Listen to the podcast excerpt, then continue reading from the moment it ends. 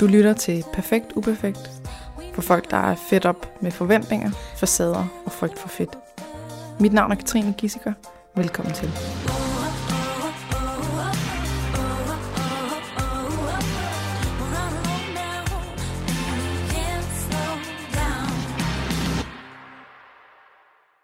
Den her episode den er sponsoreret af BookBeat, lydbogstjeneste. Og de sidste par episoder, der har jeg anbefalet nogle forskellige af de bøger, de har derinde, som jeg synes er helt fantastiske. Jeg har anbefalet Slut med Forbudt. Jytte fra Marketing er desværre gået for i dag, og Toren. En lykkelig slutning. Og The Subtle Art of Not Giving a Fuck. Den her gang, så er det dagens gæst, der giver en anbefaling. Det er Camilla, som du skal møde om lidt. Hun siger, at øh, lev mere, tænk mindre, bogen af Pia Kallesen, har været helt fantastisk for hende.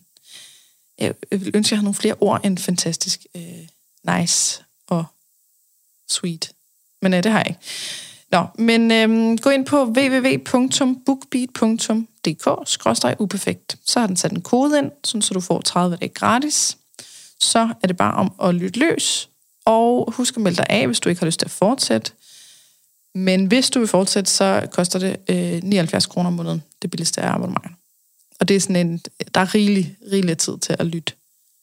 Og så downloader du appen BookBeat bagefter. Det tror jeg var det. Så nu skal vi møde Camilla. Velkommen til dig. Tak. Øh, fortæl lidt om dig selv. Ja, jamen øh, jeg... Øh, hvad vil du gerne vide? Din yndlingsfarve. Min yndlingsfarve? Det, det er faktisk pink. Mm-hmm. Det er det blevet igen. Fedt. Ja. Hvad er din yndlingsret? Yndlingsret? Det ved jeg ikke. Der, er- der er flere. Hvad er dit bedste minde nogensinde? Bedste minde nogensinde. Det er... Jeg har faktisk to. Og nu kommer det til at blive sådan meget kliché. Jeg har to børn. Og de to, det er altså nogle af de Så det bedste var- minder, jeg har. Ja. Det var inden du fik dem.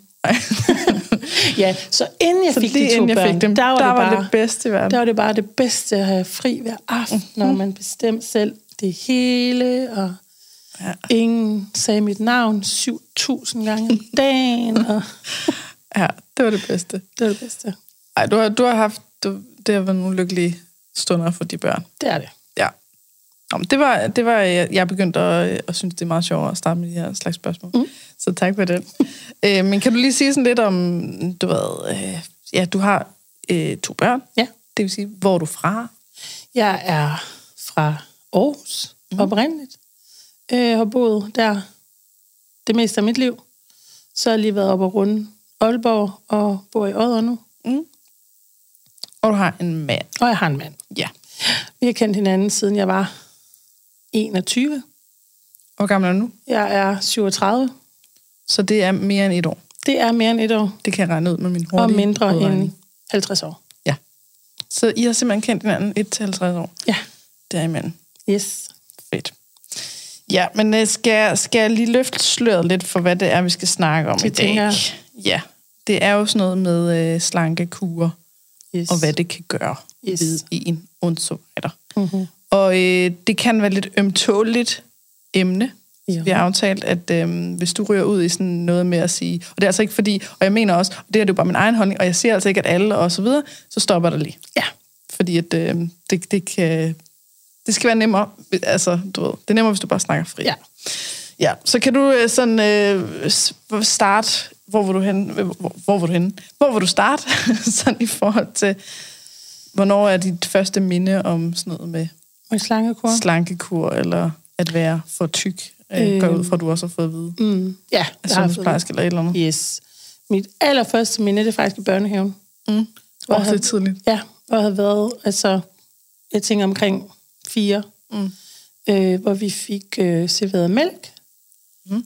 Og alle de andre børn fik sødmælk, og jeg fik skummet mælk, fordi jeg var for tyk. Det Så startede simpelthen allerede det der. startede der. Ja, Ja. Okay. Det er det første, jeg husker. Og fik du det at vide? Ja, Så du Jeg- spurgte, jeg hvorfor må jeg ikke få sødmælk? Det er, fordi du er for Øhm, tyk. tænker sådan noget den stil, ja. Jeg, jeg vidste det i hvert fald godt. Okay. Hvor gammel er man der? Der er man vel fire år, fire år gammel. Ja. Eller sådan noget. Det er omkring 4-5. Så øh, nærmest modermælk. Ja, Ja. ja, det har jeg sådan cirka vidst hele mit liv. Okay. Og hvad så sådan det næste, der er, altså har dine forældre Jamen- i talsat, det har... Øh, Ja, altså Sundhedsplejersken. helt klart har, mm. har fortalt. Jeg kan huske, at vi skulle måles og vejes i skolen, og der har jeg altid fået at vide, at jeg var for tyk. Øh, Jeg blev kaldt hen til, til den her øh, skala, når hun plottede vægt og mål ind, højde og vægt, og viste mig, hvor jeg burde være, og viste mig, hvor jeg lå, og ligesom fortalte mig, at det var for højt. Mm. Så det skulle jeg gøre noget ved. foran de andre, eller hvad? Eller hvad? Øh, jeg husker det ikke som foran de andre. Okay. Det var, det var kun os. det var kun jeg, tror. Ja. Okay. Men, men vi har i hvert fald ikke lagt skjul på, at det tal var for højt, og det skulle ned. Mm. Og, og det, altså, det havde været helt fra seks år, og så alle de der årlige samtaler, eller hvor ofte det nu var. Og Har du, har du haft det okay med at gå til sundhedsplejersken, eller blev det så sådan mareridt? Jeg har faktisk ikke, øh, jeg kan ikke rigtig huske følelser omkring selve det at gå til sundhedsplejersken Mm. øh, dengang. Men jeg har i det hele taget lidt svært ved sundhedsprofessionelle. Mhm. Øh, og det tænker jeg da er startet også dengang. Med sundhedsplejersken? Ja. Og hvad... Så det plejer sådan noget med, at, øh, at ens forældre får det at vide, og så, så begynder forældrene at synes, de skal gøre et eller andet, og... Det tænker jeg også, min mor har fået det at vide. Okay. Øhm, jeg kan huske, at når jeg har været hjemme ved mine veninder fra skolen, mm. og de har åbnet køleskabet, så har der været alle mulige ting i deres køleskab, som ikke var i vores. Og der blev ikke lagt skjul på, at grunden til, at vi for eksempel ikke havde pålægtschokolade, jamen det var fordi, at det skulle jeg ikke have. Mm-hmm. Fordi jeg skulle tabe mig. Og er der flere af den der slags, sådan, øh, du ved, hvad, hvad de andre måtte, eller havde, eller kunne, eller som du ikke?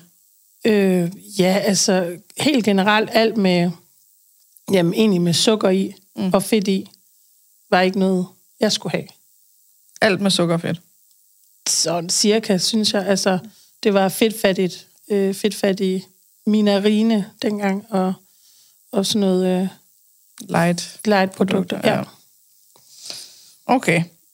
Men der var ikke sådan noget med, at, øh, at dine forældre så du ved, begyndte på, øh, nu skulle du lave noget tvangsmotion, eller nu skulle du øh, spise mm. noget andet end familien, eller den slags. Nej, altså jeg ved, at min mor jeg, øh, har boet med kun min mor det meste af mit liv.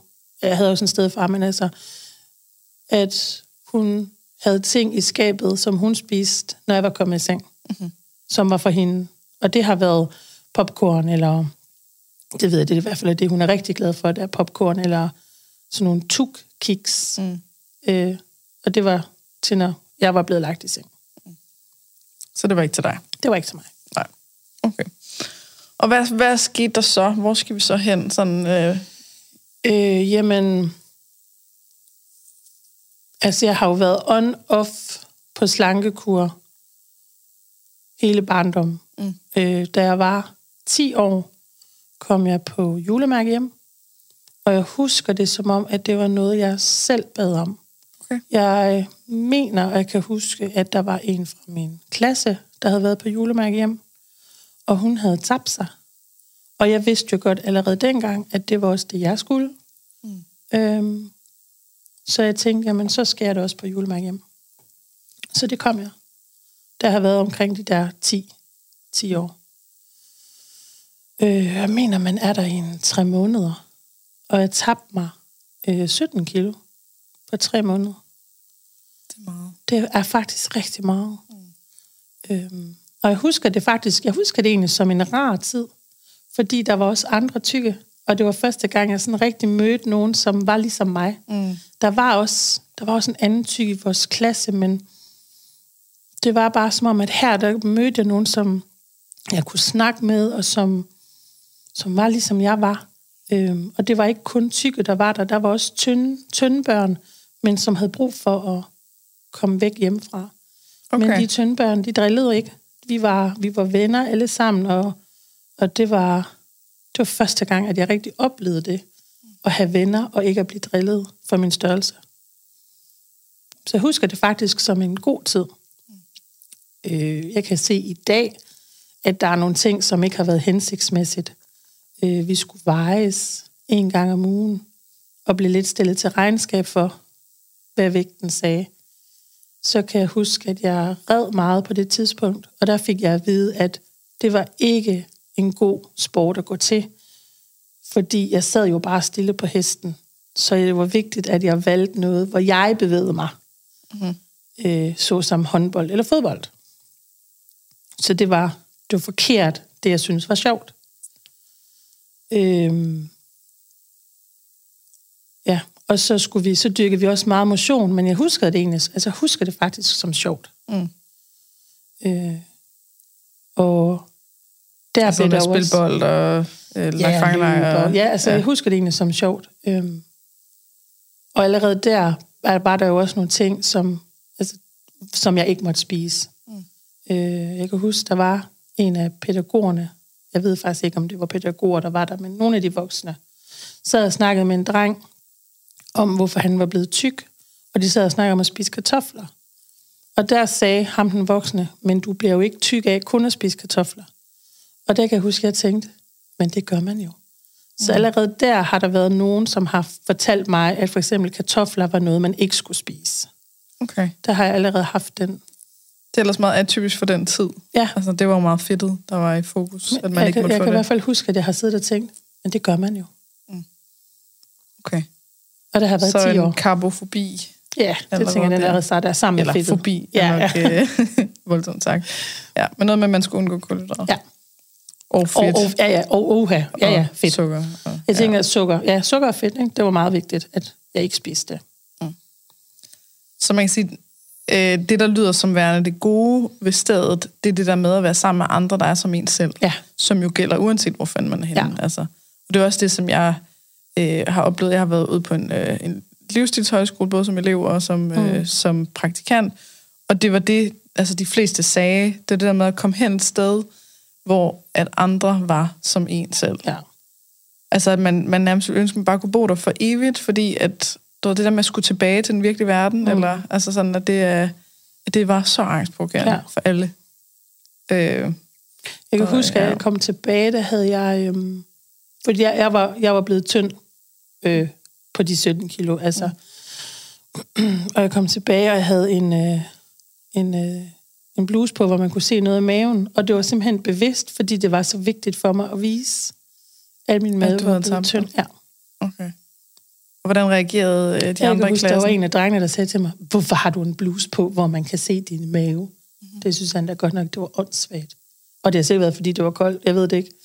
Men det var bare, det var vigtigt for mig.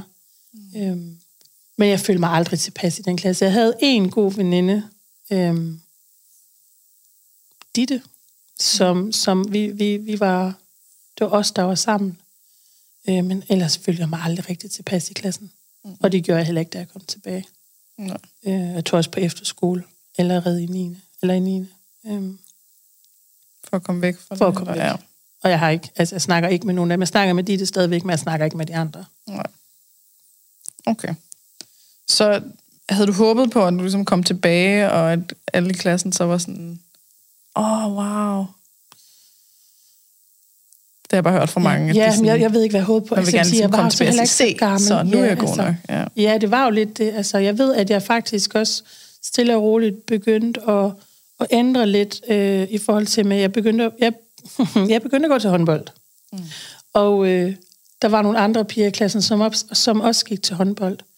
Men jeg følte mig ikke rigtig som en del af dem. Altså, vi begyndte sådan at være venner, men jeg følte mig ikke rigtig som en del af dem, og jeg var faktisk heller ikke særlig god til at spille håndbold. Mm.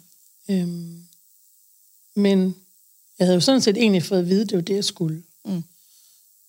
Og øh, det begyndte at, at, at blive et problem med at få tid til både ridning og håndbold, og det lå på samme tid. Så jeg valgte at stoppe med at ride og fortsætte med håndbold. Mm. Og det gjorde jeg helt indtil jeg startede på efterskole i 9. Så stop det, du godt kunne lide. Ja. Til for, som jeg var god til, til fordel for noget, som jeg ikke var synderligt god til. og ikke var god til. Ja, men Men som skulle være slankende. det var jo det, jeg skulle jo. Ja. Øhm, Det var jo det rigtige at gøre. Okay. Hvad, hvordan gik det så på efterskolen? Jamen, øh, jamen, det gik egentlig meget godt. Det var, jeg øh, var faktisk tynd i hele min teenageperiode. Mm. Øh, det følte jeg ikke dengang. Øh, det der med at være forkert holdt ved. Mm. Så jeg har, ved, at jeg også har været, jeg har hele tiden været på slangekur, jeg har hele tiden tænkt over, hvad jeg skulle spise, jeg har hele tiden været bange for at tage på. Mm. Øh, men det var, jeg var glad for at være på efterskole. Øh, og jeg var på efterskole i 9. og jeg var på efterskole i 10. Og det var, det var super fint. Øh, og jeg var færdig med 10. da jeg var 17, og valgte at tage til London som au pair i et år. Mm. Øh, og det var sådan mit rigtige første møde med, hvad kan man sige, problematisk spisning. Mm-hmm. Fordi det var vigtigt for mig at være tynd, og måden jeg gjorde det på, det var ved at prøve at lade være med at spise så lang tid som overhovedet muligt. Mm-hmm. Så den klassiske, jo længere jeg kan trække den, ja. jo mindre spiser jeg. Ja. Tror man. Og jo sundere er jeg, og jo mere rigtig er jeg. Mm-hmm. Øhm, og det, det var... Når jeg ser tilbage, så har jeg ikke været gammel nok til at tage afsted. Jeg var 17, og det, jeg var ikke klar til at tage til et helt andet land alene. Mm.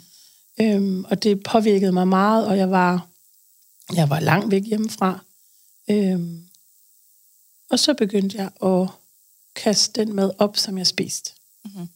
Og, men der var et eller andet i mig, der sagde, det her, det her, det dur ikke. Så jeg ringede hjem til min mor og fortalte hende det. Og så tog jeg faktisk hjem før tid. Mm. Så hvor, hvor længe var du der? Det var ikke ret meget før tid, jeg tog hjem. Så jeg havde været okay. der måske ni måneder. Okay. Men det, at du kastede op, det var ligesom sådan en, okay, det her, det er, det er ikke godt. Ja, det, det, det, det vidste jeg godt, at det var, det var ikke noget, man skulle. Det var, mm-hmm. ikke, det var, ikke, det var ikke smart. Så der, der var noget i, at altså, øh, man kan sige, i, i dag, så tænker jeg, at du nok tænker, at alt det her med ikke at spise, altså mm. altså trække den så længe som muligt, og at tænke hele tiden, og du ved, undgå alt muligt mm. osv., at det, det er den samme ja. slags, som det at kaste op. Lige præcis. Altså, ja. det, det er det. Det, det var, det, øh, men det så jeg ikke dengang. Nej. Jeg havde, øh, jeg havde nok lidt fået ind i, at der var en eller anden, der på et tidspunkt har sagt til mig, det er sundt at være sulten. Mm-hmm. Og den øh, praktiserede jeg. Okay. Og, øh, og, og så du kastede op, det skete så kun én gang? Eller Nej, det skete, det skete gange? nogle gange. Det, ske, øh, det skete nogle gange, og så kunne jeg ligesom godt se, det, det er helt galt. Ja. Så jeg ringede til min mor, tager mig sammen til at fortælle sandheden, og, og siger, mor, jeg vil gerne hjem. Mm. Og så blev det ligesom sat i værk, at jeg kommer hjem. Og der var du 17? Ja, det er nok lige inden jeg blev 18. Lige inden du blev 18? Ja. Okay. Kommer hjem og, og starter på HF mm. øhm, i Silkeborg, hvor jeg er. Det tager jo to år, så der er jeg i Silkeborg. Øh, og lige med det samme, jeg kom hjem, der møder jeg en, en fyr, som, som jeg har, har kendt tidligere. Øhm, og det han, han siger til mig, han spørger, hvad jeg har lavet. Jeg fortæller, at jeg har været i London og lige er kommet hjem og sådan noget. Og så giver han mig et elevatorblik og siger, han siger noget i retning af, det har gjort dig godt, eller et eller andet den stil. At jeg så mega godt ud. Og I, i forhold til, fordi i forhold til før, dig, eller? det var sådan, jeg tog det. Okay. Jeg tror faktisk ikke, det var det, han mente, fordi mm. jeg var heller ikke tyk før. Mm. Jeg tænker, at fra man er måske omkring 16 til man bliver 18, eller når han har set mig sidst, så sker der jo noget. Mm. Øh, men jeg tog det som om, at det var fordi, jeg var blevet tyndere. Mm. Og jeg tog det som om, det betyder, at jeg er flot nu, fordi jeg er tynd. Mm. Okay. Hvad skete der så? Jamen, øhm, så har jeg jo gik på HF, øh, har stadig synes jeg var for tyk, så der har jeg gået ned til lægen og sagt, at jeg vil gerne til en diætist. Jeg vil gerne tabe mig, fordi jeg er for tyk. Mm. Og så blev jeg sendt til diætist og fik en kostplan med hjem om, hvad jeg skulle spise. Og var du 18? Ja, 18-19 år. altså, det var også helt absurd. Ja, men det var, det var jo mit liv. Altså, jeg var bare på slankekur altid. Det ja. var bare, det var sådan, det var. Ja. Og har holdt det på et eller andet tidspunkt, så har jeg ikke taget tilbage til diætisten, sikkert fordi jeg ikke har kunne holde kostplanen. Mm. Øhm, på det tidspunkt, der boede jeg lidt uden for Silkeborg. Jeg cyklede faktisk frem og tilbage hver dag, og jeg var, var super aktiv. Inde i mit hoved, så var jeg ikke god nok. Øhm, og det var i hvert fald heller ikke nok, at jeg skulle cykle. Så jeg meldte mig også ind i et fitnesscenter, fordi det skulle man også. Mm. Øh, stod tidligt op om morgenen og tog i fitnesscenter. Fordi jeg skulle være tynd. Mm. Og når jeg ser på billeder nu, så var jeg tynd. Ja. Men øh, det følte jeg ikke. Og der var heller, altså lægen sagde heller ikke til mig, hvorfor jeg havde lyst til at tabe mig. Det var bare, ja, jamen selvfølgelig skal du til diætist. Altså, der er også bare gået et eller andet galt i den der læsehoved. Nå, men så kommer der sådan en øh, slank, ung kvinde her, som gerne vil sige, jamen så det skal hun da bare have lov til. Altså, at der ikke bare er en eller anden lille alarmklokke, der siger, hvad, Det var der ikke. hvad foregår der? Det var der ikke. Kom hen til diætisten fra madplanen og blev sendt hjem. Mm. Og det var, også, det var også noget med ingen fedt og skære ned på kulhydraterne. Så lever jeg ved kød og grøntsager? Jamen, altså, jeg eller? måtte gerne få for eksempel pasta. Man kan få sådan nogle nudler, som er sådan nogle firkanter, sådan nogle tørrede nudler, hvor man køber en pakke, og så er der fire i, som er ligesom sådan en portion. Egentlig så var sådan en pakke øh, af, af de der tørrede nudler for meget, men hun synes alligevel ikke, at jeg skulle stå og tage det fra. Så hvis jeg kun spiste det en gang imellem, så kunne jeg godt få lov til at spise sådan en portion nudler, men det var egentlig, det var egentlig for meget. Det får Ja. Okay. Så der var noget kulhydrat igen Ja. der. Mm-hmm. Okay. Hvor skal vi så hen, før det er, at der begynder at ske noget igen? Du stoppede hos diætisten? Jeg stoppede ved diætisten, fordi at jeg ikke kunne ikke holde det, og så har jeg jo ikke turt at sætte ned. Mm-hmm. Øhm, jamen, så har jeg jo egentlig bare, altså jeg var jo 21, da jeg mødte Jakob, min mand, og så har vi jo, har jeg jo gået på lidt uddannelse, og indimellem været ved diætister igen, fordi at jeg skulle tabe mig, og har været ved de danske vægtkonsulenter for at forsøge at tabe mig. Øhm, jeg har været på Nupo. Det var en diætist, der anbefalede mig det faktisk. For ligesom at sætte skub i det. Og, og der, hvor det egentlig sådan stopper, det er faktisk, da jeg er 30 og bliver gravid første gang. Mm-hmm. Så det har egentlig været hele min... Indtil der har det været hele mit liv. Og været on-off på slangekur.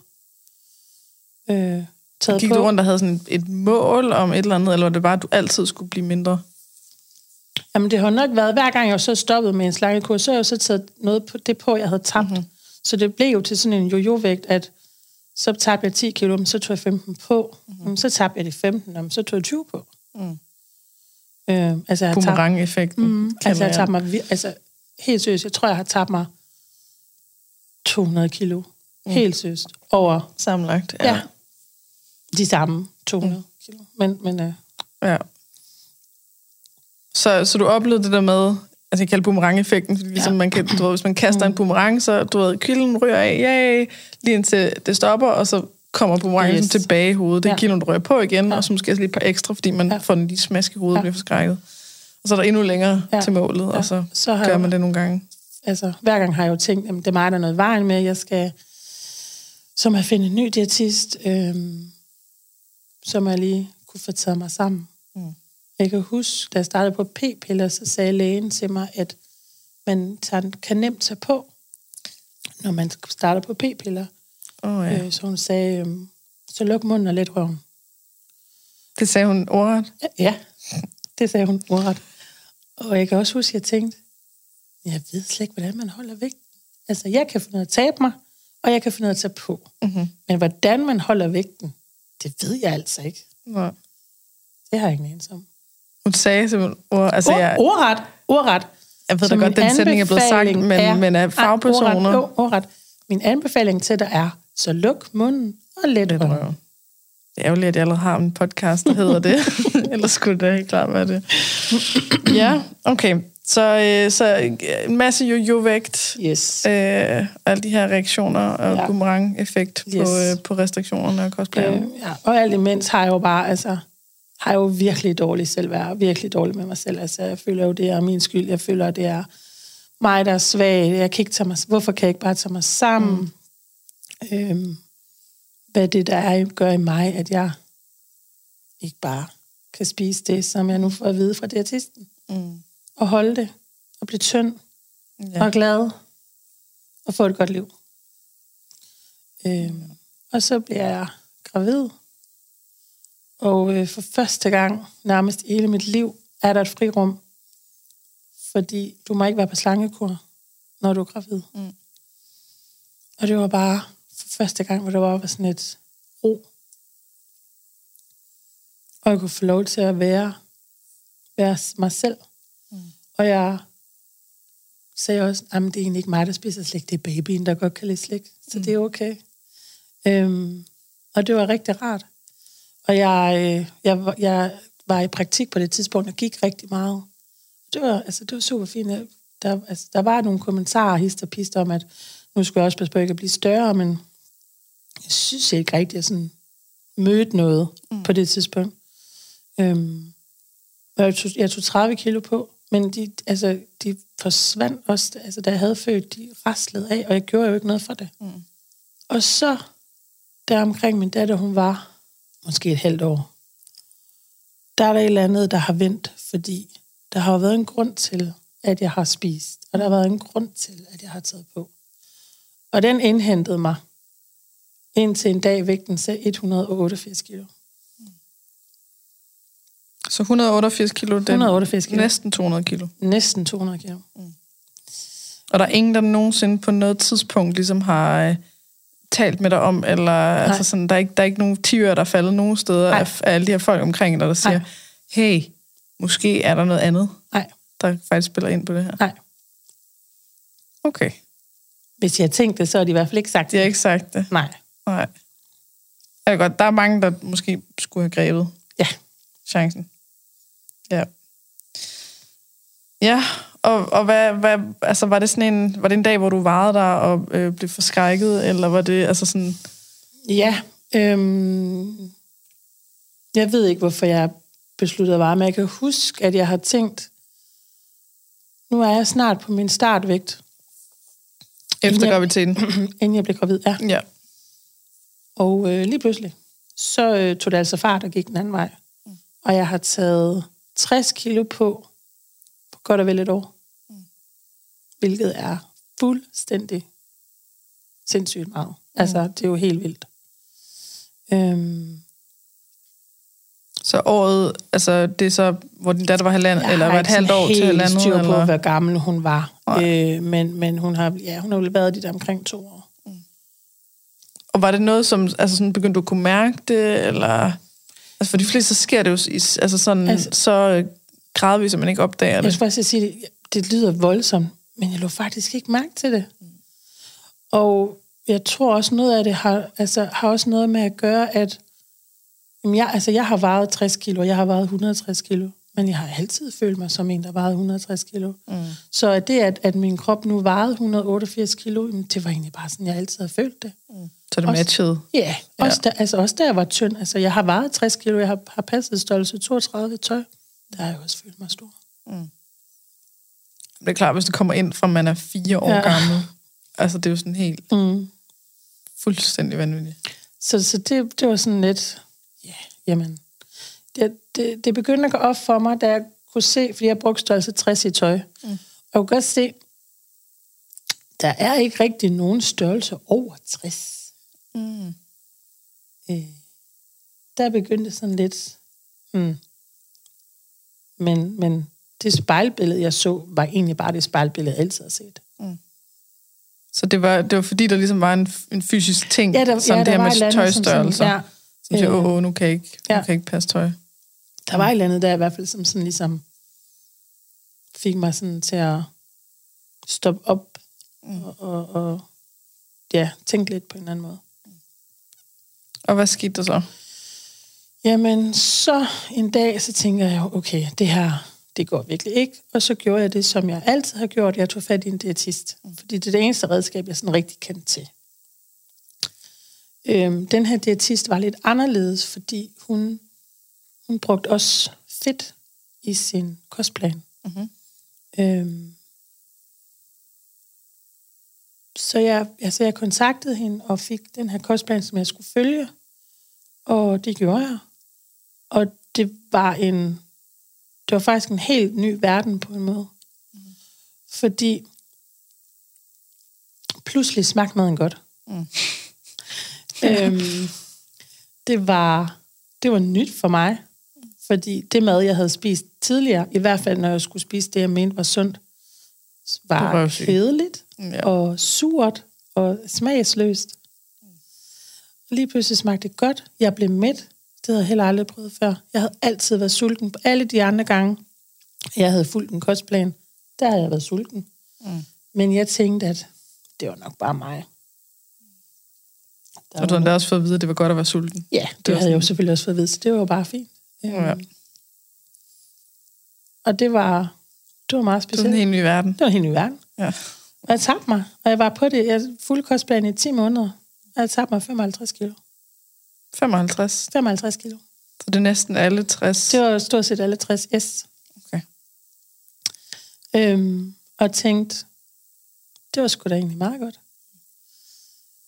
Det, der jo så skete undervejs, det var, at jeg fik angst. Okay. og jeg fik panikangst. Og på det tidspunkt har jeg ikke sat de to sammen. Men i dag ved jeg, at det er direkte relateret til alle de kostregler, jeg har fået at vide over mit liv, igennem mit liv. Fordi jeg blev sygelig angst for at spise noget, som ikke stod på min kostplan. Så nu kan vi snakke forbi. Nu kan vi snakke forbi. Ja. Øhm, det var sådan, at hvis jeg bare tænkte på at spise en is, så fik jeg angst. Og det var panikangst, og det var dødsangst, og det var, hvor jeg ringte til lægen og troede, at jeg var ved at få et hjertestop. Mm. Jeg har aldrig fået så mange EKG i mit liv, som jeg gjorde i den periode, jeg havde angst. Øhm, det, jeg kan se i dag, det er, at jeg hele mit liv har fået at vide, at fedt er farligt. Mm. Og lige pludselig følger jeg en plan, hvor der er fedt i. Ja. Og jeg har ikke kunne få det til at hænge sammen inde i mit hoved. Jeg har simpelthen ikke kunne få det til at hænge sammen. Så det blev sådan, at jeg har tænkt, jamen det må være, fordi det er lige præcis den her mængde. Mm. Så hvis der stod, det ved jeg ikke, en halv liter fløde, jamen så var det en halv liter. Mm. Og ikke det et gram over. Ikke et gram over. Øhm, og det gjorde, at jeg vejede alt meget minutøst af. Hellere 10 gram for lidt, end 1 gram for meget. Mhm. Jeg kunne... Jeg kunne ikke lade min mand lave mad. Fordi, Det så vidste du ikke, hvad der var. nej, for jeg vidste ikke, hvad der var i. Og hvis han ikke... Hvis, hvis jeg spurgte ham, hvad, hvor meget har du stegt kylling i? Jamen, sådan cirka Ja. det, jeg, det, jeg kunne slet ikke have det. Nej. Cirka. Det er du nødt til at vide. Og jeg kunne ikke spise sammenkogte retter, for så vidste jeg ikke, hvad der var i. Nej. Ej, hvor har jeg hørt det mange gange. Ja. Så, ja. Så i 10 måneder, der spiste jeg den samme morgenmad hver dag. Fordi så var det nemmere. Jeg spiste den samme frokost hver dag. Og så havde jeg mm, fem aftensmadsretter, jeg vekslede mellem. Og det var alle sammen noget med, hvor det var skilt ad. Det var et stykke kød, og det var noget grønt, og det var noget fedt, og det var skilt ad. Så jeg vidste Du vidste præcis, præcis, Ja, hvor meget der var ved. hvor meget der var i. Så du, du har fået det at vide så mange gange, det med fedt er farligt, at det er blevet sådan helt indlejret Ja. øh, angst i dig, og så oplever du en, som siger, "Men nu skal du spise fedt, mm. og så oplever du at tabe dig. Mm. Så den her sådan, øh, øh, konsekvens, du var så bange for, den skete ikke. Ja. Nærmest modsat. Og så tænker du, okay, der er et eller andet galt her. Hvordan kan det hænge Ja, sammen? ja. Ja. Det kan kun hænge sammen, fordi det er en magisk Ja, øh, det er en magisk mængde, grænse, ja. en magisk øh, plan. Ja. Så hvis, hvis du på nogen måde spiser noget som helst uden for den, så sker der alt det her, du også er bange for Ja. fra tidligere. Ja. Yes. Øhm, og det har, jeg ikke, det har jeg simpelthen ikke vidst på det tidspunkt. Altså, det, det, er, det har taget lang tid for mig at indse, at det var sådan, det hang sammen. Øhm, og jeg, jeg havde jo angst, og, og det tog jeg til psykolog til, for få hjælp til. Øh, jeg var der med nogle forskellige. Øh, og den, den øh, anden sidste, jeg var hos, der, der begynder jeg sådan lidt at fortælle hende, at, at det knytter sig meget til os omkring min mad. Mm-hmm. Jeg oplever at have angst, også omkring maden. Det var jo ikke kun det, fordi angst, det breder sig, og det breder sig til mange ting. Men, men det var også omkring maden. Og hendes kommentar var, at det var jo sådan set egentlig godt nok. Fordi når jeg var så tyk, som jeg var, oh, nej. så var det jo egentlig fint at have angst, Nej. Nej. fordi så kunne jeg tabe mig, Og når jeg nu havde tabt mig, så kunne vi begynde at kigge på, at jeg skulle have et Nej. mere normalt forhold til Nej. mig. Jo. Nej. Jeg siger bare nej. det... Ej, det, det, det værste, man nogensinde Ja. kan sige, det er, at din øh, sygdom, eller mm. hvad man skal kalde den, den er god for dig, Ja, for den gør, at du taber dig. ja, Det er lidt ligesom at sige med en, til en, der har anoreksi. ja, Men det er så godt, du har anoreksi, fordi så bliver du ikke tyk. ja. Fuck Det var det, jeg fik. en psykopat øh, psykolog. Øhm, og og den, den sidder altså stadig i mig, vil jeg sige. Den har jeg haft lidt svært ved at, at lægge væk. Øh. Men jeg fortsat ved hende her psykologen, men det hjalp jo ikke. Jeg blev ved med at have angst. Og, og jeg endte faktisk ud i at være nærmest i en konstant angsttilstand. Ja, det er jo ikke så mærkeligt. Nej. Så jeg stoppede ved hende og fandt i stedet for en anden psykolog. Jeg, tog, jeg øh, blev anbefalet en bog, der hedder Lev mere, tænk mindre, som er skrevet af Pia Kallesen, som er, er metakognitiv psykologi. Mhm. Og øh, den bog, den følte jeg var skrevet til mig, om mig, kun for mig. Altså jeg kunne simpelthen, det var så vildt. Jeg følte, jeg læste om mig selv. Øhm, så jeg kontaktede Sektos, som har det her metakognitive psykologiforløb, og kom i et forløb hos dem, hvor man er der i 12 uger. Øhm, nej, det, man er der, øh, det er 12 timer, og du er der over fire uger af tre timer hver gang. En gang om ugen. Øhm, jeg sagde ikke til nogen omkring, at jeg havde bare bange for mad, fordi det havde jeg ligesom lært, at det var godt for mig. Mm. Så det, det var ikke det, jeg havde fokus på. Jeg fortalte bare, at jeg havde angst. Og det var igennem det her forløb, at det gik op for mig, at jeg bruger mad for at dulme følelser, for at undgå at mærke mig selv. Og at det har jeg faktisk gjort stort set hele mit liv. Det var igennem det forløb, at det gik op for mig. Så der kan du endelig koble de to. Der kunne jeg koble de to. Ja. Og der har jeg jo været,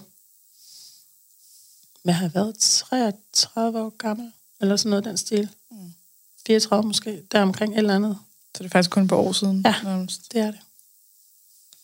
Det jo også fuldstændig vanvittigt.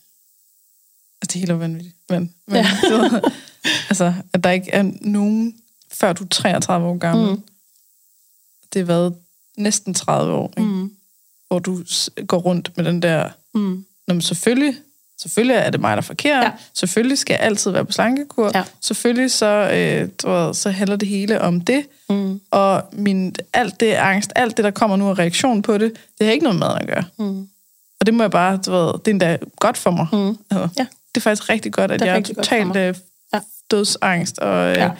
bange for at spise noget forkert. Ja, Det er og det er jo så godt at slanke. Mm.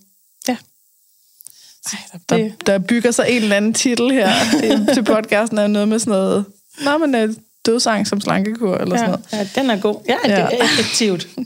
Det er effektivt. Kæft, mand. Så jo, Ja. Okay, så koblede du endelig tingene. Ja. Fandt du af, og det handler så heller ikke om bare mad, men handler om, at det er, du er pisse bange for at være forkert. mm. Og at hvis at du øh, spiser forkert eller tager på, at så, så er du ikke god nok, og så Ja. lige præcis. dør man. Ja. Lige præcis. Og så har det været nogle vilde år siden, tænker jeg. Ja. Når først man har sådan nogle der... Altså, det har egentlig også, det har været en lang proces. Mm. Altså, det har været en rigtig lang proces, fordi jeg så også, jeg skulle acceptere, at det var sådan, det var, og jeg har også skulle finde ud af, jamen, hvorfor spiser jeg? Altså, hvorfor spiser jeg? Mm. I stedet for at håndtere mine følelser. Hvad, hvad er det, jeg prøver på at flygte fra? Mm. Øhm, og det jeg, har, det, jeg kan se, det er, at der er noget omkring grænsesætning, mine grænser. Jeg har, som jeg tror, jeg sagde det tidligere, at jeg har boet med min mor. Min mor og min far gik fra hinanden, da jeg var omkring et år eller sådan et eller andet. Mm. Øhm, og så har jeg været delebarn i en periode. Øh, og jeg har aldrig rigtig følt mig tilpas nede ved min far. Mm. Jeg havde ikke mit eget værelse. Han, havde, øh, han fandt en ny kone, der havde to børn. Jeg følte mig ikke hjemme. Jeg følte ikke rigtig, at jeg var velkommen. Øhm, når jeg var der, så var jeg ligesom indlagt til at skulle være på et af de to børns værelser. Jeg havde ikke mit eget. Og det var ikke rart for mig at være der. Og det har jeg givet udtryk for. Og at jeg ikke havde lyst til at komme derned, og det er blevet overhørt. Flere gange. Og Så du er mere eller mindre tvunget? jeg blev tvunget derned. Og, og det har egentlig bare lært mig, jamen, at mine grænser og, og min, mine behov er ikke vigtige. Mm. Det er andres behov, der kommer først. Og det har jeg lært i en tidlig alder, fordi jeg, det var efter, det var faktisk mens jeg var på julemærke hjem, at jeg sagde til øh, min far, jeg vil ikke komme og besøge dig mere. det har været 10 år. Så der vidste du bare, at det her, det, det trives jeg ikke med. Ja. Jeg skal ikke være her mere. Det har jeg vidst længe, men det var først der, jeg formåede selv at sige det. Og handlede det kun om det her med, øh, med ikke at have sit eget værelse, eller var der noget i forhold Jamen, til det var det. de andre børn, altså, det eller var det konen, hele. eller Ja, faren? altså, eller? jeg, følte, jeg følte, jeg var forkert, og jeg har ikke været ret gammel, før at jeg var faldet i, eller han troede, jeg var faldet i søvn i bilen, men jeg var egentlig vågen, og hvor at han, mener at hans venner sidder og griner med, at det skulle godt nok mange år siden, han har kunne løfte mig i seng, øhm, så stor som jeg var. Mm. Øh, han troede, jeg sov, men det gjorde jeg ikke. Så jeg hørte det godt. Ja. Og så har det jo bare været, jeg har jo bare ikke følt, at jeg var accepteret, altså. Øhm, og det var også, det var ikke rart at være der, det var, jeg vidste aldrig rigtig helt, hvornår han kunne blive sur, altså, det, det var, jeg skulle sådan hele tiden af, altså hele tiden sådan finde ud af stemningen, og mm. kan fordi nogle gange kunne man godt sige det her, og så blev det taget i sjov, og andre gange, hvis man sagde dem, så fik man skæld ud, og jeg kunne ikke, jeg kunne ikke finde ud af at være dernede, og det var ikke rart. Øhm, og til sidst så var det også sådan, at fordi min veninde Ditte, hun, hun boede også tæt på, jamen så var jeg mest bare ved hende i de gange, jeg egentlig skulle være nede ved min far. Mm. Okay. Men det, at du ligesom blev, blev ved med at skulle komme, Mm. efter du ligesom havde både havde taget en beslutning og sagt den højt, Mm. sagt, nu skal jeg ikke det her mere. Og så er der nogen, der ligesom bare overruler. Ja, At det lærte dig, at nå okay, så ja. du, Min- det nu, altså- nu må jeg bare øh, være i andres hænder, Ja. og de, de må bare bestemme over mig, fordi Ja. ja. jeg, jeg må ikke selv Ja. vælge til og fra. Altså, mine grænser var ikke, mine grænser og mine behov var vigtige. ikke vigtige. Mm. Det var andre, der kom i første række. Okay. Og hvad, hvor lang tid stod det på? Jamen altså, at jeg, at jeg har At du blev ved haft, med at skulle være hos din far der? Jamen, det var jo indtil jeg var omkring de der 10-11 år. Øhm, for jeg har sagt til ham, at jeg ikke vil derned, og jeg, jeg, jeg er så sådan svært ordentligt, så vil jeg huske, hvad der skete, men måske har jeg også været meget mere tydelig omkring min, for min mor, og, og hvor hun sådan, okay, nu, nu skal hun ikke derned. Okay. Jeg tror faktisk, ja, hun sagde til mig, hvis du ikke vil derned, så skal du selv ringe til ham og sige, at du ikke vil derned. Mm. Så det gjorde jeg som 10-11-årig. Den er også rough. Ja, jeg snakker med hende om det siden, øhm, og det er bundet i, at min mor ville ikke have det her markat på, at hun var en sur kælling, som ville holde sit barn fra, fra faren. Øhm, jeg ved ikke, om det var noget, der har været op dengang, eller et eller andet, men hun ville i hvert fald ikke skulle have det markat, at hun bare var sådan en, en sur kælling, som var hendes egen ord, Mm. som ikke ville lade hendes barn se faren. Øh, så derfor så skulle jeg derned. For så var der i hvert fald ikke nogen, der kunne komme og sige, at hun... Så det var hendes eget behov. Ja, Yes. det, ja, det var det jo. Det er fact. Ja. Eller sådan. Det er jo ikke... Det ved jeg godt, at... Ja. Yes. Okay, så, så du, er det sådan noget, du sådan for nylig har kunne koble til, okay, gud, der er noget med grænsesætning her, ja, som det er starter det. allerede fra da du var Ja, ja, 10 det er år det. gammel. Det er, det er meget for nylig. Mm. Det er det. Og er der, er der flere af de der, sådan, hvor du kan se, når ja, der var også noget med grænsesætning her? Noget, Jamen altså, det har nogen, været, vadede det, det har været hele mit liv. Altså, det har været også i skolen. Altså, jeg har ikke øh, formået at sætte grænser. Jeg har ladet folk øh, træde på mig, og så er jeg gået hjem og spist det væk. Har du nogle erindringer om altså, et eksempel? Hvordan? Jeg tænker, altså, hele, altså, jeg er jo blevet mobbet utrolig meget, og det har jeg bare taget imod. Mm. Øhm, jeg har, jeg har, ret, har været jeg er ret god i skolen, øh, og det har jeg flere gange øh, fået skæld ud over af klassekammerater, hvis, hvis jeg har sagt et eller andet, eller så har de taget det som om, at jeg havde sagt, at de var dumme og dårlige og, og ikke var kloge. Og det har også bare gjort mig, så jeg bare, i stedet for at rette dem, så har jeg bare holdt min mund, og så har jeg egentlig bare ladet dem blive sure på mig, mm. uden, at, uden at sige noget. Mm. Øhm, så hvis folk er blevet sure på mig, så har jeg bare, selvom at det har været uberettet, og selvom at, det, der ikke har været noget i det, så har jeg bare ladet dem gøre det. Og så gået hjem og spist bagefter. Der er også en kæmpe magtesløshed i det. Ikke? Ja. Altså, man, Nå, men jeg kan ikke gøre noget ved det. Ja. Der er ligesom, det er bare sådan her. Jeg, jeg kan ikke sige fra. Jeg, kan mm. ikke, jeg må bare tage det til mig. Ja. Og så og så har jeg jo hørt, der, altså hvad end de nu har sagt det, der er jo også folk, der har sagt til mig, at jeg var fed, og jeg var dum, og jeg var klam, og sådan noget. Mm. Og det er jo bare, altså, så er det jo kørt på repeat derhjemme, mens jeg så har spist, hvad jeg nu har spist. Sådan meget klassisk, ja. tror jeg, det er, desværre. Ja. Det ved jeg nu, det vidste jeg ikke dengang. Altså, jeg følte mig utrolig alene. Ja. Jeg tænkte, det var kun mig, der havde det på den måde. Du havde heller ikke nogen spejl der i? Nej, altså, det havde jeg ikke. Hvis det i det mindste fandtes et eller andet, hvor man hørte om alle mulige andre, der også sad derhjemme og havde det så ja. skidt, og sad til, at jeg også bare forkert. På det tidspunkt, der følte jeg mig som meget alene. Ja. Og at det her med grænsesætning, kører det også op i sådan uh, teenagealderen, voksenalderen? Uh, er der også nogle ting her, hvor du kan huske, åh, oh, der, der vil, jeg vil ønske, jeg havde sagt fra der, eller der følte jeg ikke, at jeg kunne gøre noget? Eller? Øh, ja, altså det har jo, det har jo været jævnligt. Altså jeg havde, øh, jeg var læst til social- og sundhedsassistent, mm. og kom på en praktik, øh, hvor de, altså, jeg mødte en, en, hun var, tror hun var sygeplejerske, og hun var simpelthen så modbydelig, og talte til mig, som om jeg var ikke noget værd. Mm. Og jeg sagde ikke noget. Det er Hvad kunne hun sige, for eksempel? Jamen, det var bare det var hele hendes måde at tale til mig på at sige, øhm, hvis jeg stod og var i gang med noget, så kunne hun sige, du er simpelthen nødt til at gå ned på stue 4 med en ske.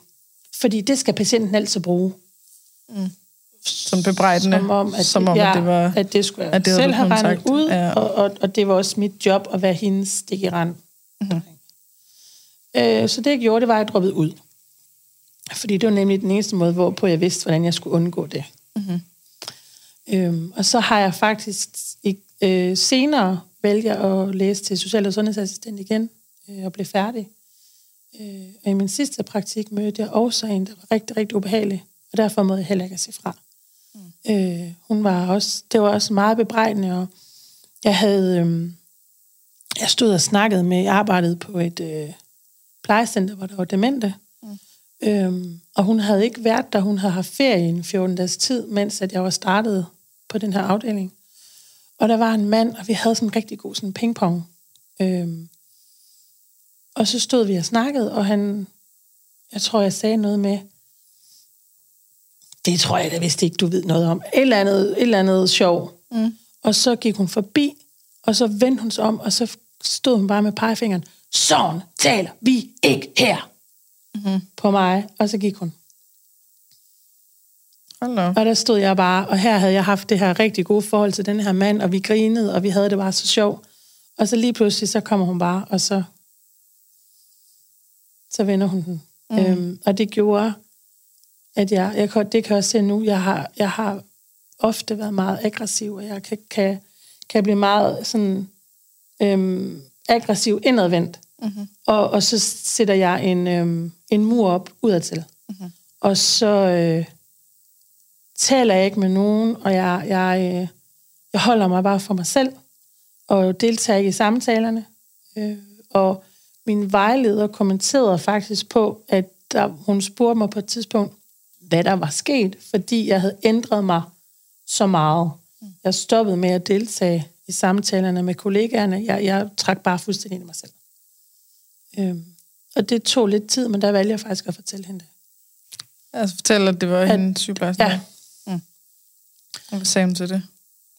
Og jeg tror, hun sagde, at jeg var nødt til at lære at blive lidt mere hårdhudet og sige fra. Mm-hmm. Øhm, hvor jeg bare har tænkt, det ved jeg slet ikke, hvordan jeg skal gøre. øh, jeg kunne godt have tænkt, at hun havde sagt til mig, det var ikke okay. Fordi det blev egentlig aldrig rigtig sagt som om, at det ikke var okay. Det var bare sådan, der skulle jeg selv have sagt fra, af hendes mm. holdning. Og jeg kunne godt have tænkt mig, at hun havde sagt til mig, det er heller ikke okay. Det var ikke okay, det hun gjorde. Ellers kan det også komme til at lyde en lille smule som, at du ved, det er din egen skyld, Ja, eller ja. du ved, det var dig, der skulle have sagt fra. Ja, det var mig, der skulle have sagt fra. det var dumt af dig. Ja. Ja.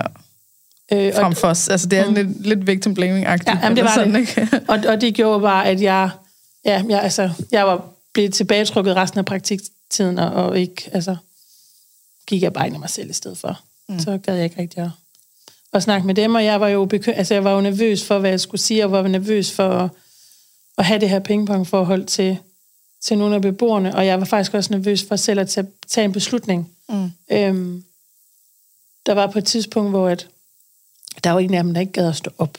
Fordi nogle gange med demente, så kan man ikke altid lige regne med, hvad det er, de gider. Og jeg vidste ikke, hvad jeg skulle gøre. Og hvor hun sagde, "Men hvorfor, hvorfor giver du ikke bare maden ind på stuen? Og jeg turde simpelthen ikke at tage den beslutning, fordi Nej. at jeg var bange for, at det var forkert. Og at jeg lige pludselig ville få rigtig meget skæld ud. Uanset nærmest, hvad du gjorde, Ja. om du valgte det ene eller Mm. andet. Så det har været sådan on-off igennem hele mit liv, at der har været episoder, hvor jeg slet, slet ikke har sagt fra. Og hvor jeg bare har taget imod, og hvor jeg så er gået hjem og spist i stedet for. Så er magtesløshed igen, Ja. tænker jeg. Ja. Yes. Okay. Og hvad så sådan... Øh, nu er du begyndt at finde ud af alt muligt med, okay, jeg, der er noget i, at jeg ikke øh, kan sætte grænser, både fordi jeg har lært, at det må man ikke, Mm. og fordi, at hvis man skulle gøre det, så aner jeg ikke, hvordan. Ja. Fordi der er jo ingen, der har, der Nej. er ingen, der har vist sig, hov, det er sådan her. Ja. Og der er heller ikke rigtig nogen, der har sagt, hey, det der, det er ikke okay, det der, du bliver udsat for, Mm. det er du ved, helt faktuelt ikke okay. Ja. Så, så hvad, er der flere af de her ting, du ligesom har begyndt at kunne koble, og sige, okay, der er helt klart noget med grænsesætning, men er der helt klart også et eller andet andet? Mm. Der er, øh, jeg begyndte at følge en blog for mange år siden, øh, hvor at hun snakkede om, det var, det var en, øh, det var en LCHF-blog faktisk, hvor hun snakkede om, at hun havde spist øh, havregryn til morgenmad, og det blev hun ikke med af. Mm. Og hende, der havde den her blog, hun, øh, hun har aldrig været tyk, og hun har aldrig haft de problematikker omkring vægt, men hun var meget tydelig omkring, at når hun spiste havregryn til morgenmad, så blev hun ikke mæt. Og det ringede en klokke i mig, fordi jeg havde hele mit liv fået at vide, at jeg skulle spise havregryn om morgenen, og så ville jeg være mæt til frokost. Og det var jeg aldrig. Mm. Og jeg har altid troet, det var mig, der var et problem. Jeg har altid troet, det var mig, der bare ikke kunne tage mig sammen. Og der var sådan lidt, oh, okay, måske, måske er det faktisk ikke mig. Måske er det faktisk okay ikke at have lyst til havregryn om morgenen. Måske er det faktisk okay ikke at blive mæt. Og måske er det faktisk ikke mig, der er forkert. Måske var det faktisk de der havregryn, eller mængden, eller et eller andet. Så det, har, det er sådan en masse små episoder, hvor der har sat nogle tanker i gang. Der er også engang en psykolog, der har spurgt mig, hvor, hvorfor at jeg var tyk, hvad det var, jeg flygtede fra. Mm. Og dengang forstod jeg ikke spørgsmålet, for jeg tænkte, hvorfor er jeg tyk? Jeg er tyk, fordi jeg er doven, er det ikke? Det ved alle da. Mm. Men det har alligevel sat en eller anden tanke i gang, at måske var det ikke helt så sort-hvid. Så det er sådan en masse små eksempler, øhm, hvor jeg lige så langsomt begynder at lære, at at jeg har, jeg har lært noget meget forkert i forhold til med, hvad man skal spise. Og at jeg har, det at jeg har lært, at der findes sunde og usunde madvarer, er ikke rigtigt. Mm. Øhm, og selvom jeg sidder og siger, at jeg ved det intellektuelt, så stadigvæk følelsesmæssigt kan det godt være svært. Det er et helt andet sprog. Det er et helt andet sprog. øhm, men, men det er simpelthen ved ikke op for mig, at det kan man ikke. Man kan ikke kigge på en enkelt fødevare og sige, om den er sund eller usund. Og jeg må gerne spise kartofler, og jeg må også gerne spise sukker. Øhm, Og du må desværre. gerne blive mæt. og må gerne blive mæt. og mad må gerne smage godt. Ja. Fordi jeg havde, jeg, havde jo, jeg havde jo lært, at at Jo dårligere det smager, jo, jo bedre er det for Virkelig. dig. Og, dår- og, og, og, og, og så var det modsatte også rigtigt. Ja. ja. Jo bedre det smager, jo usundere er det. Og det var faktisk ligegyldigt, om det så var, jamen, om det så var broccoli, der blev kogt med, med lidt smør i, fordi jamen, så smager det godt. Nej, altså, så er det ikke sådan. Så er det ikke... Nej. Det er sådan det et kompas, man får. Mm. Det er også snakket om tidligere, ikke? Men... rå, helst. Ja. Og hvis du skal have dressing til, så skal det være sådan en ylette dressing, der er mega sur. Og Eller, eller lavet på skyr. Jamen, der skyer, det fandtes ikke så meget Nå, okay. dengang. Men ja, det er sådan noget cirka den stil. Jeg kan bare huske sådan nogle... Øh, ja, jeg har lavet mange smoothies med, altså med broccoli og skyr og vand. Jeg tænkte bare, Uha. du ved, broccoli skulle være så sundt, mm. og kalorielet, øh, proteiner, ja. eller altså ja. Ja. skyr der masser af protein, ja. Øh, og det er også kalorielet, ja. Ja. og, så, øh, og så med vand. Der er heller ingen kalorier i. Ja, det er, Det er- ja. så godt. Men det, det hedder også tortur, ikke også? altså, hvorfor gør du sådan noget ved dig selv? Jeg har spist, øh, kender du sådan noget hvedeklid? Ja, Det har jeg spist bare sådan på ske uden noget. Fordi det, det er, er sundt. det mest tørre, man overhovedet kan æde. Ej. ja, men det er fordi, jeg fulgte en kur. Det var du kan kurerne Der skulle man have det om dagen, og jeg glemte det altid. Mm-hmm. Og så var jeg nødt til at spise det på ske om aftenen. Ja. Jamen, det har jeg også gjort bare med huskpulver. Ja, det har jeg også gjort. Det smager godt. Så fik jeg at vide, at det var... Så købte jeg sådan nogle med smag i, som bare smagte endnu værre end det almindelige. og tænkte jeg, "Nå, men så man, man kan bare blande dem op i noget vand. Ja, Og så nogle gange så glemte jeg, du havde drikke det lige med det samme, og det bare lige gik 30 sekunder, og så var det sådan en grød, ja, som man sådan halvt kastede op af. ja. Men ja. det var sundt, så det skulle man. Men det var så sundt og ja. slankt. Og Ja. Så, fiberrigt. så det, øh, det, det er sådan ved at begynde at lære, at man må gerne blive mæt, og mad må gerne smage godt, mm. og man kan ikke dele det op i sund og usund. Nej. Øhm, når jeg kan se alle de ting, jeg har fået at vide, det er helt forkert. Jeg føler, jeg føler faktisk, der er sådan et, sådan et slør, der er blevet løftet. Jeg kan se, se alt det, jeg har lært med helt andre øjne. Øh, og så har jeg også lært, at restriktioner i hvilken som helst form, det virker ikke. Det, det, det, det kan jeg ikke. Der, hvor jeg er nu, og det er faktisk først inden for de sidste, sidste 14 dage, at det sådan rigtig er gået op for mig, lige så snart der kommer bare noget som helst i form af restriktioner, så trigger det et eller andet i mig. Det kan godt ske, at det ikke gør det i dag, og det er heller ikke sikkert, at det gør det i morgen. Men lige så stille og roligt, så bliver jeg lullet ind i, og skal veje tingene, og ikke om at spise forskellige ting, og bliver bange for at spise forskellige ting. Så kommer vi tilbage og kysser sådan noget øh, dødsangst noget, ikke? Ja. ja. Og den vej skal du ikke. Den vej skal jeg ikke. Nej. Og det, det, altså det er først inden, det er de sidste 14 dage, det sådan er rigtig helt er bedre for mig. Ja. Ja. Så det er, det er stadig en proces, jeg er i. ja. Øhm, ja, Men det er det, det aller, aller sværeste, det er jo at arbejde med, altså i forhold til det med restriktioner og trodsreaktion. ja, Fordi hvis man gerne vil tabe sig, så, så er der ligesom, så vil jeg gerne ikke spise for meget. mm, Og man kan se, at når jeg siger, at jeg ikke må spise for meget, Mm. så spiser jeg for meget. mm, Så jeg, jeg er nødt til at, at gå ind og ligesom sørge for, at det helt inderligt er helt okay mm, at spise den her fødevare, eller ja. den her mængde, eller øh, hvad det nu end kan være, Ja. som clasher. Så man kan, ikke, man kan ikke give sig selv helt lov, fordi man inderst inden gerne vil have, at man ikke gør det. mm, Selvom det er jo paradoxalt nok, at det der ofte sker, at når, når man vidderligt helt inderst inden forstår, at det er helt okay at spise, at så mister det noget magi, og så behøver ja. Man ikke lige så meget af det. Så at det er... Altså, det, det er ligesom to modsatrettede ting, som mm. man prøver at forene, ja, og ryger ind i sådan noget med pseudotilladelser, øh, du ved, hvor man siger, at jeg må godt, men egentlig ikke mener det. ja. Du må gerne spise chips, du skal bare helst lade være. Der, der, hvor jeg er lige nu, der har jeg... Øh,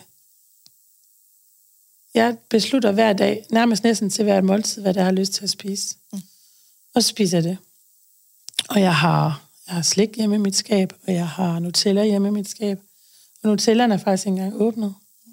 Og det, øh, jeg har, jeg har altid haft en overbevisning om, at jeg er sådan en, der ikke kan have ting til at stå. Mm. Øh, og det går stille og roligt op for mig, at det kan jeg godt. Og det har ikke været, fordi at jeg bare var svag, at jeg for eksempel har spist Nutella.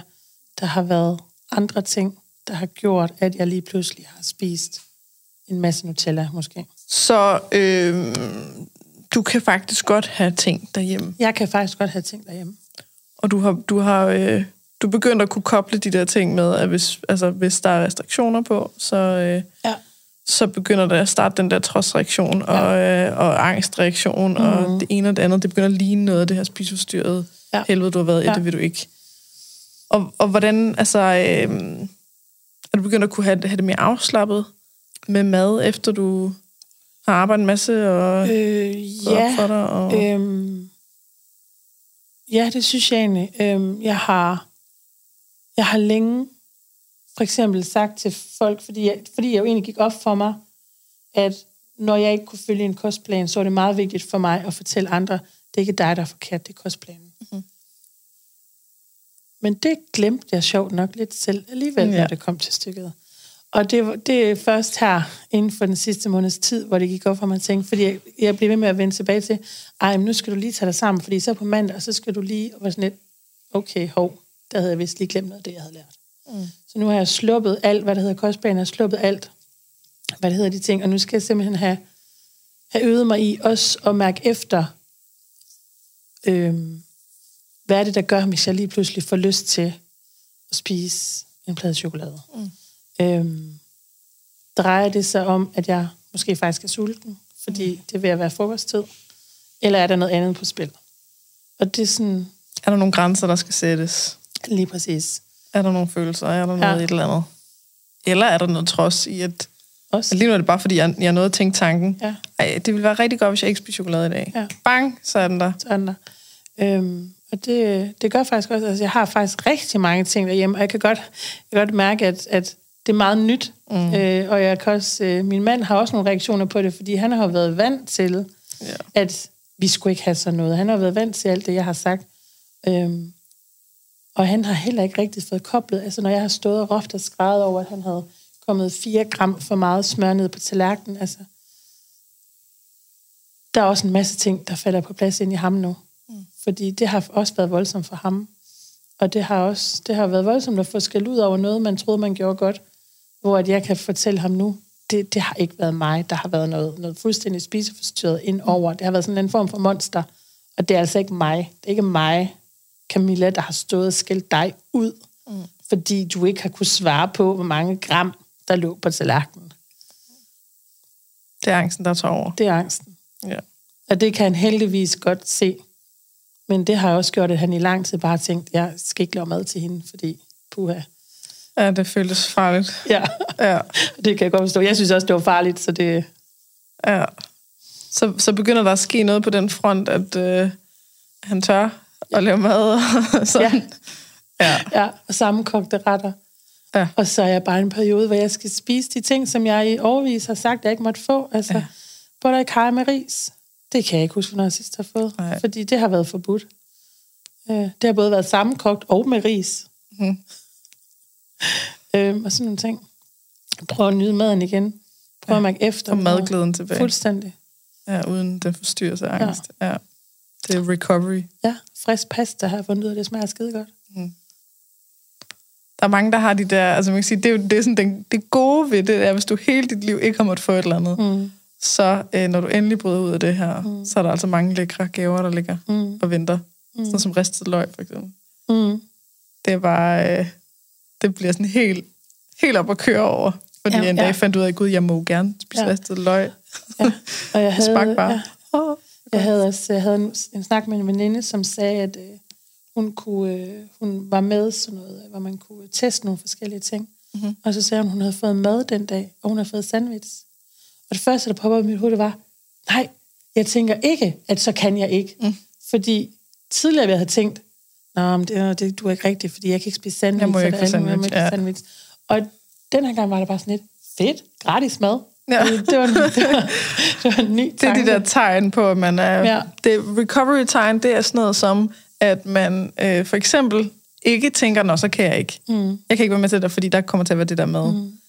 Øh, at man glemmer, at man, man har ting i huset. Mm. At man oplever ikke at have lyst mm. til for eksempel chokolade eller et eller andet. Mm. Øh, og at man, ja, at man bliver overrasket over, Ja.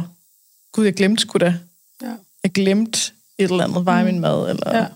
Ja. Øh, ja, det var så det samme som først. Men, men den, der, den der slags tegn, mm. det der, der kan man virkelig se. Og det er det, der er en væsentlig bedre måler for, hvordan det går, end ja. vægten. Ja. Fordi et vægt kan, kan være snu. Jeg ved ikke, hvad jeg vejer Nej, overhovedet. Det behøver jeg heller ikke at vide. nej. Øh, men det, det Det synes gør jeg... næsten heller ikke andet end at forstyrre. Nej, det gør det faktisk. Men jeg synes, den, den har jeg egentlig for mange år siden øh, sluttet fred med. Fordi at jeg har, har varet mig hver dag, og faktisk kunne se, hvor stor forskel. Altså, den kan svinge så meget. Mm. Så det, det er, den, øh, den har jeg sluttet fred med for mange år siden. Fordi jeg ved, at du kan veje to kilo mere i dag, og så kan du have tabt dig et halvt kilo i morgen. Altså, at Ja. den, den kan man bare ikke stole på. Nej, vi kan svinge op til 4 kilo. Ja. eller sådan noget i forhold til menstruationscyklus. Mm. Øh, så er der en masse, det er så en masse væske, men ja. der er også væske koblet til det her med kulhydrater og hvor meget salt altså. man spiser, alt det der. Øh, så, ja, og alkohol præcis. Så man kan, man kan svinge op til 9 kilo. Mm. Altså hvis vi tager, hvis vi tager det hele med. Ja. Øh, har samtidig med, at der er... Ja, 6 kilo, ja. Det har jeg prøvet. Min moster havde, øh, tror det var hendes, hendes 50-års fødselsdag, og det var under min vægttab. Og så havde jeg besluttet mig den dag, at det var, jeg mærke gerne måtte spise, hvad der var. Mm. Og så vejede jeg mig dagen efter. Det var plus 6 kilo. Og det er fysisk umuligt at have spist sig Ja. til 6 ekstra så kilo, så det kan heller ikke være fedt. Nej. Altså. Det var væske. jeg, jeg, jeg, der er et eller andet regnestykke med det. Som, øh, altså, vi regnede ud der, hvis man skulle tage øh, 3 kilo på på tre dage, ja. Ja, så skulle man spise 30.000 kalorier for at tage de 3 kilo på. ja.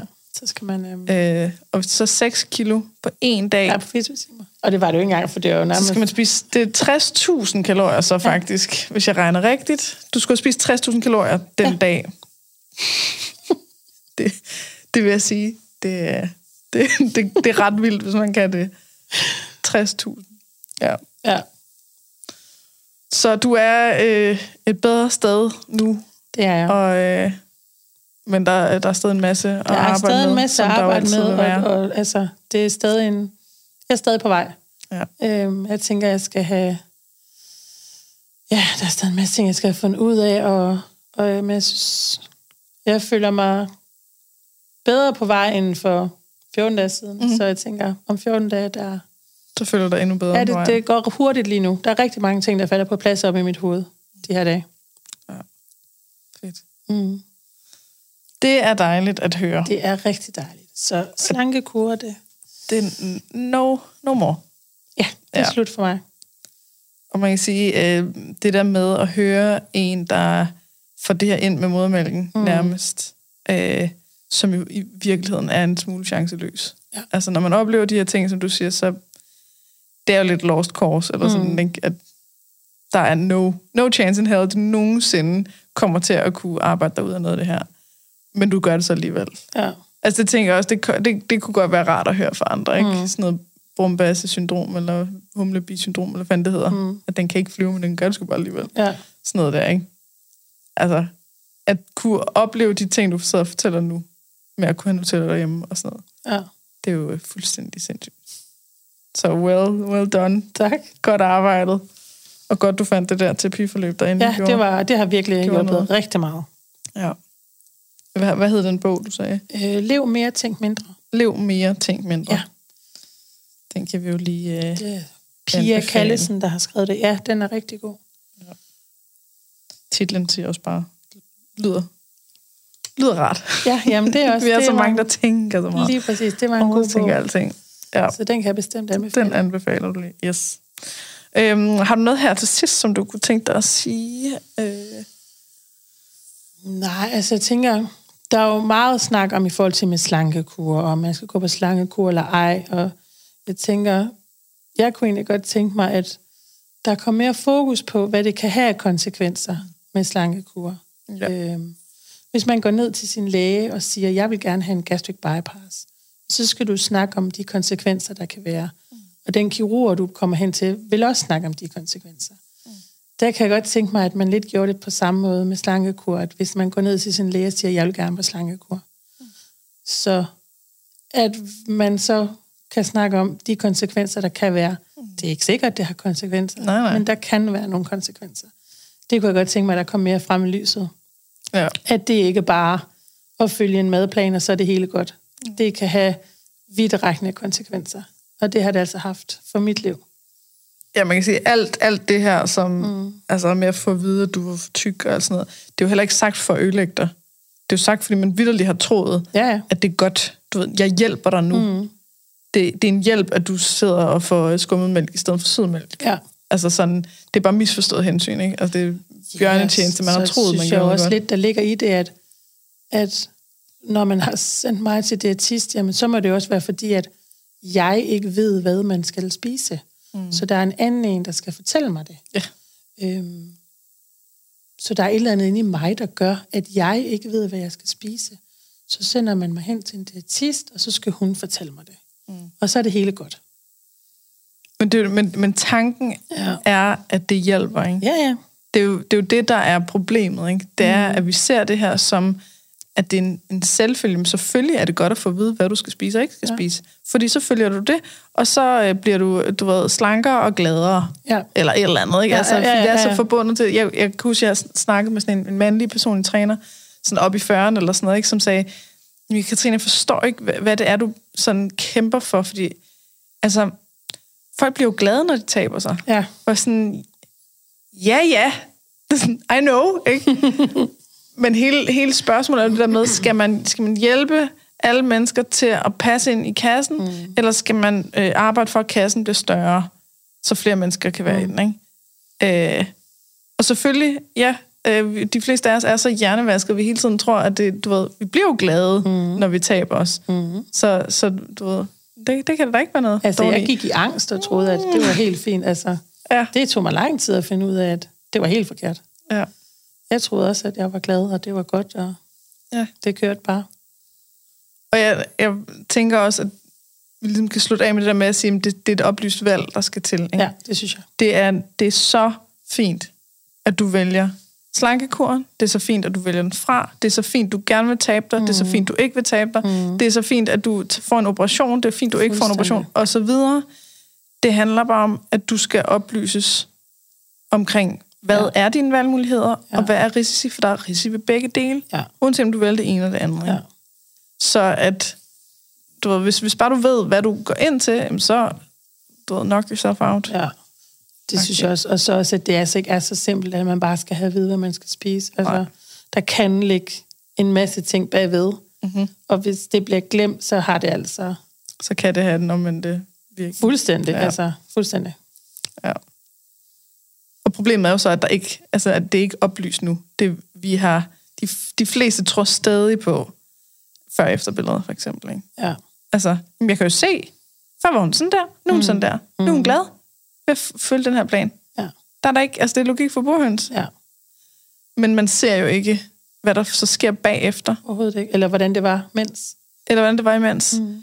Man, øh, man ser ikke øh, bag facaden. Mm. Man, altså, hvis man ligesom ved, okay, mm, hvis du tager det her medicin, så kan der være de her bivirkninger. Ja. Og siger, okay, så bivirkningerne er øh, dødsangst, mm. eller et eller andet.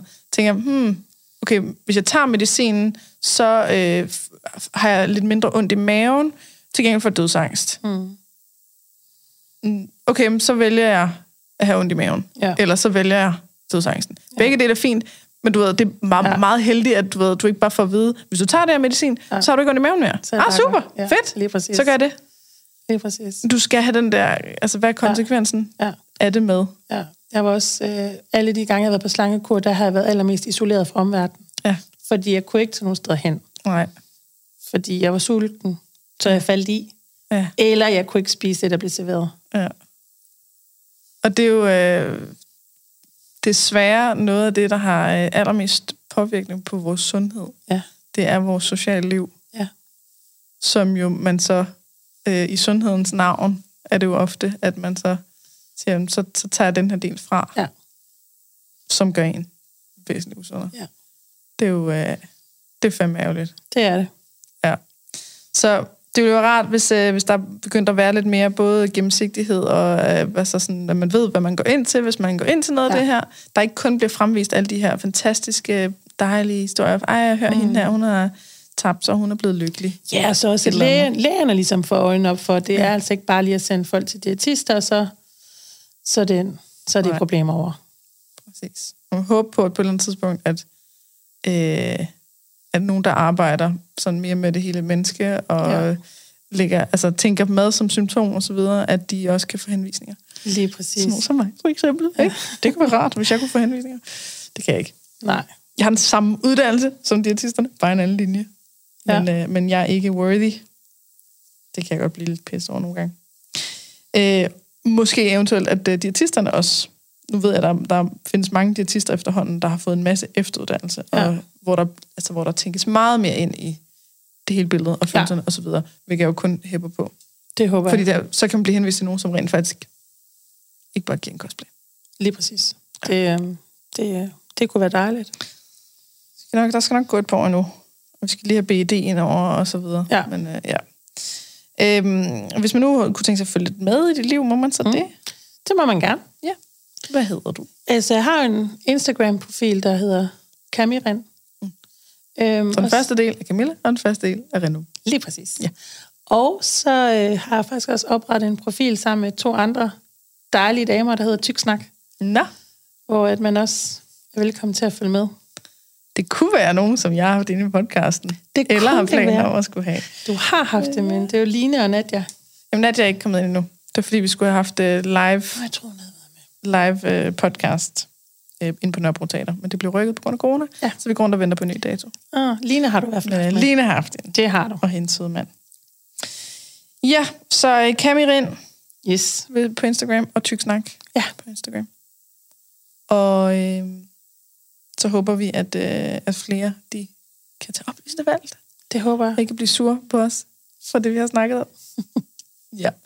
Tusind tak, fordi at du kom. Velkommen. Tak fordi jeg måtte. Tak fordi at du lyttede med så langt. Som sagt, så hvis du har lyst til at støtte den her podcast, så gå ind på tier.dk, det er titaler.dk, og søg på Perfekt Uperfekt. Der skal du registrere dine betalingsoplysninger en gang, og så kan du vælge for eksempel at give en tier per episode, der udkommer i fremtiden. Der er også et link i beskrivelsen, hvis det er nemmere. Og hvis du gerne vil vide mere om mine foredrag og online foredrag og kognitiv kostvejledning osv., så gå ind på katrinegissiker.dk. Igen, tak fordi du lytter med.